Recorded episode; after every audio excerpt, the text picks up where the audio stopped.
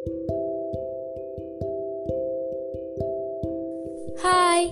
nama aku Jasmine Latifah Rahman. Biasa dipanggil Jasmine. Kali ini aku akan membahas tentang kurban, sejarah kurban. Tak asing untuk didengar bukan? Berawal dari Nabi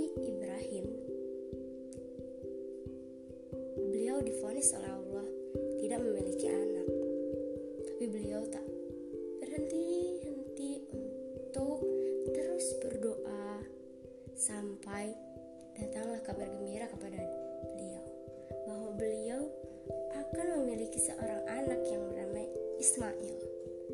Pada saat Ismail telah lahir, beliau diberi ujian lagi untuk meninggalkan Ismail dan Siti Hajar, istrinya, di tengah ladang yang tandus, yang tidak ada seorang pun yang menghuni di sana. Bisa dibayangkan betapa khawatirnya mungkin beliau terhadap istri dan anaknya, tapi beliau tetap menaati perintah Allah. Hingga cobaan itu Sekarang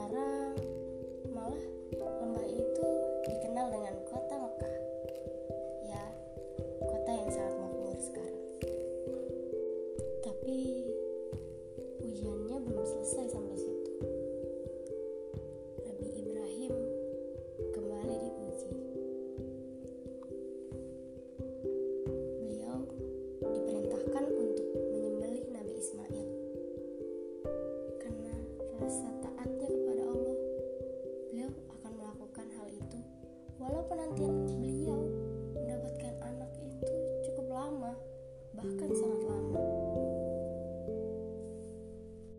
Bagaimana dengan Nabi Ismail? Ya, beliau adalah orang yang taat juga sabar. Beliau rela untuk disembelih oleh ayahnya sendiri karena perintah Allah.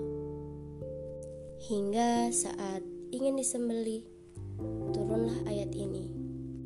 Hai Ibrahim, sesungguhnya kamu telah membenarkan mimpi itu. Sesungguhnya demikianlah kami memberi balasan kepada orang-orang yang berbuat baik. Sesungguhnya itu benar-benar suatu ujian yang nyata.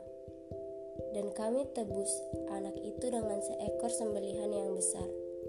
Asy-Syafa'at ayat 104 sampai 107. Ya, itu tadi adalah kisah dari Nabi Ibrahim dan Nabi Ismail. Berawal dari situlah korban muncul. Betapa taat dan sabarnya Nabi Ibrahim dan Nabi Ismail. Mungkin cukup sekian kali ini dari aku. Sampai ketemu lagi.